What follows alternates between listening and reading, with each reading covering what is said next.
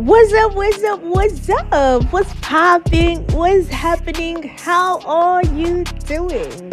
And welcome, welcome, welcome to the 10th episode of Light Up with Mariam. Yo, what's been popping? What's been happening? Mm, we're on our 10th episode, y'all. So let me tell you. Let me actually tell you.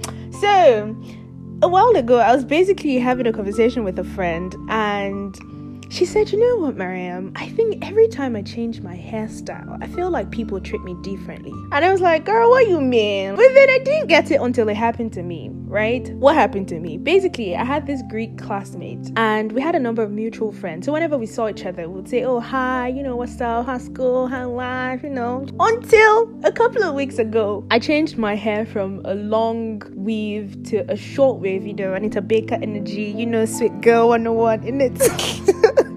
But anyway, so I changed my hair to short hair, yeah, and I'm, I'm working in a class. And so she walks into the class, and I turn around and I'm like, oh, you know, hi, how are you? Small talk. But she looks at me very strangely. And then after a while, she starts introducing herself to me, like, oh, hey, my name is yada yada yada. I'm studying. I was like, what, huh? like we are classmates, like we see each other. But then I went with the flow. I was like, yeah, cool, good stuff. Um, we're in the same class. And she was like, oh, really? Hmm. And then seconds later, it was like a light bulb moment, and she was like, oh my god. Miriam, what did you do? Oh my god. I was like, girl, chill, chill, chill.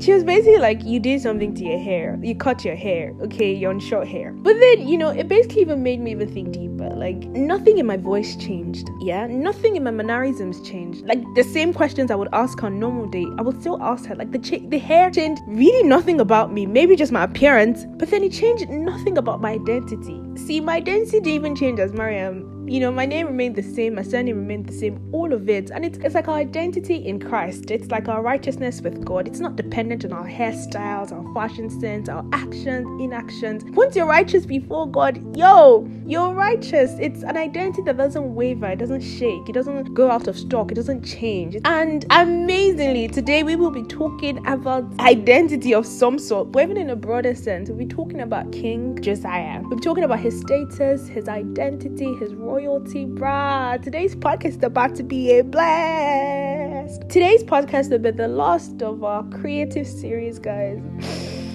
it's quite emotional. So to wrap it up, my friend Emmanuel Davis would be hosting today's podcast. How about that? Mm, he be dropping them fire bars though. How about that? Emmanuel is a terrific speaker. He is a spoken word artist. He is a blogger at Unique Davis wordpress.com. Check him out, guys. And he will be speaking today on King Josiah. So, right before we jump into it, um, a quick word of prayer, yeah? So, Father in heaven, we are delighted to learn of you and be reminded of our identity, God, in you.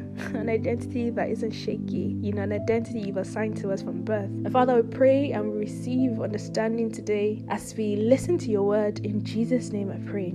Amen. So, yo, are you ready though? Are you ready, ready, ready, ready? Have a blast with Emmanuel, guys, and I will be back to wrap it up. Bye.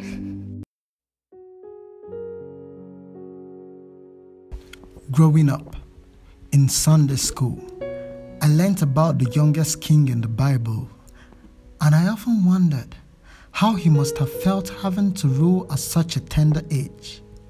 How he must have felt having to fill the shoes of great men like David, who was a war hero, or Solomon, who built the temple. I mean, what could an eight year old possibly know to rule a nation? And as I continued to ponder on what his plight might have been, I realized. I realized that in him was the DNA of royalty. He was born a king, born to reign, so he did not have to grow old to become. Just by being born, he already was. And just like he, we Christians are royal priesthoods. The very DNA of the King of Kings dwell in us. And regardless of our age, we are backed by the rock of ages. So, Stop making excuses to conceal your foundation of insecurities. Rather, highlight your stand in Christ and watch your ways blend with His. We have been taught that there are things we shouldn't dare to do. Just leave it in God's hands. But, darling, we are God's hands. He placed us here on purpose with a purpose.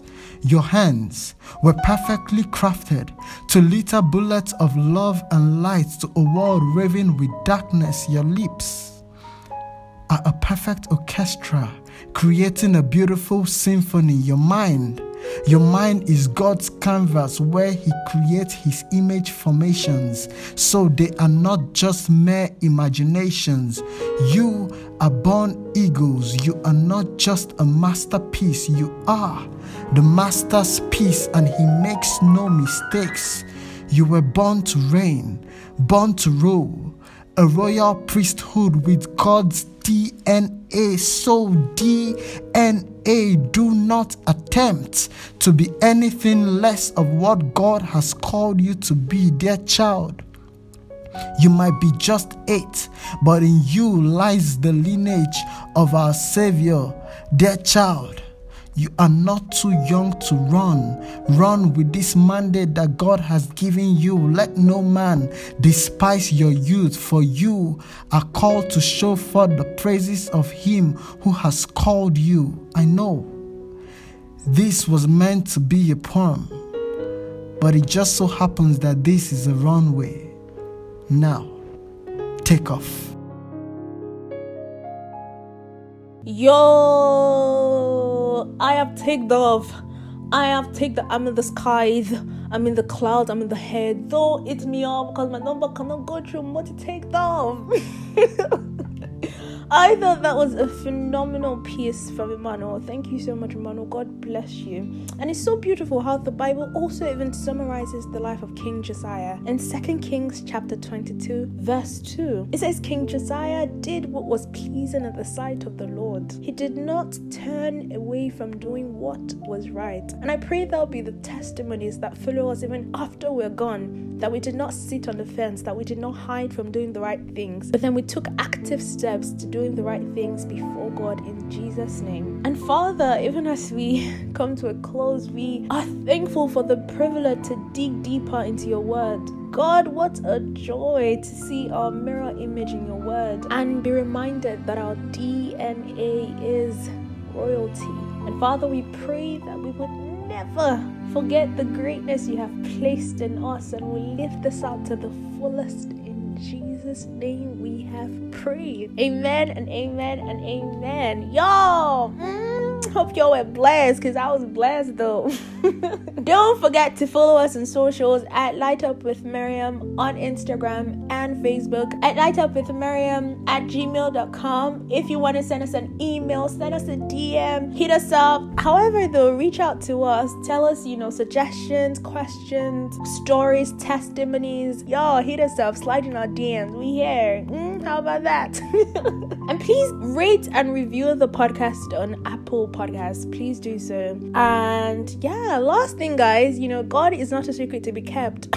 Y'all know that's our mantra. Hmm? God is not a secret to be kept. To tell someone, to tell someone, to tell someone that Jesus loves them. Yeah, share your testimony, share your salvation story, and of course, share the podcast. How about that?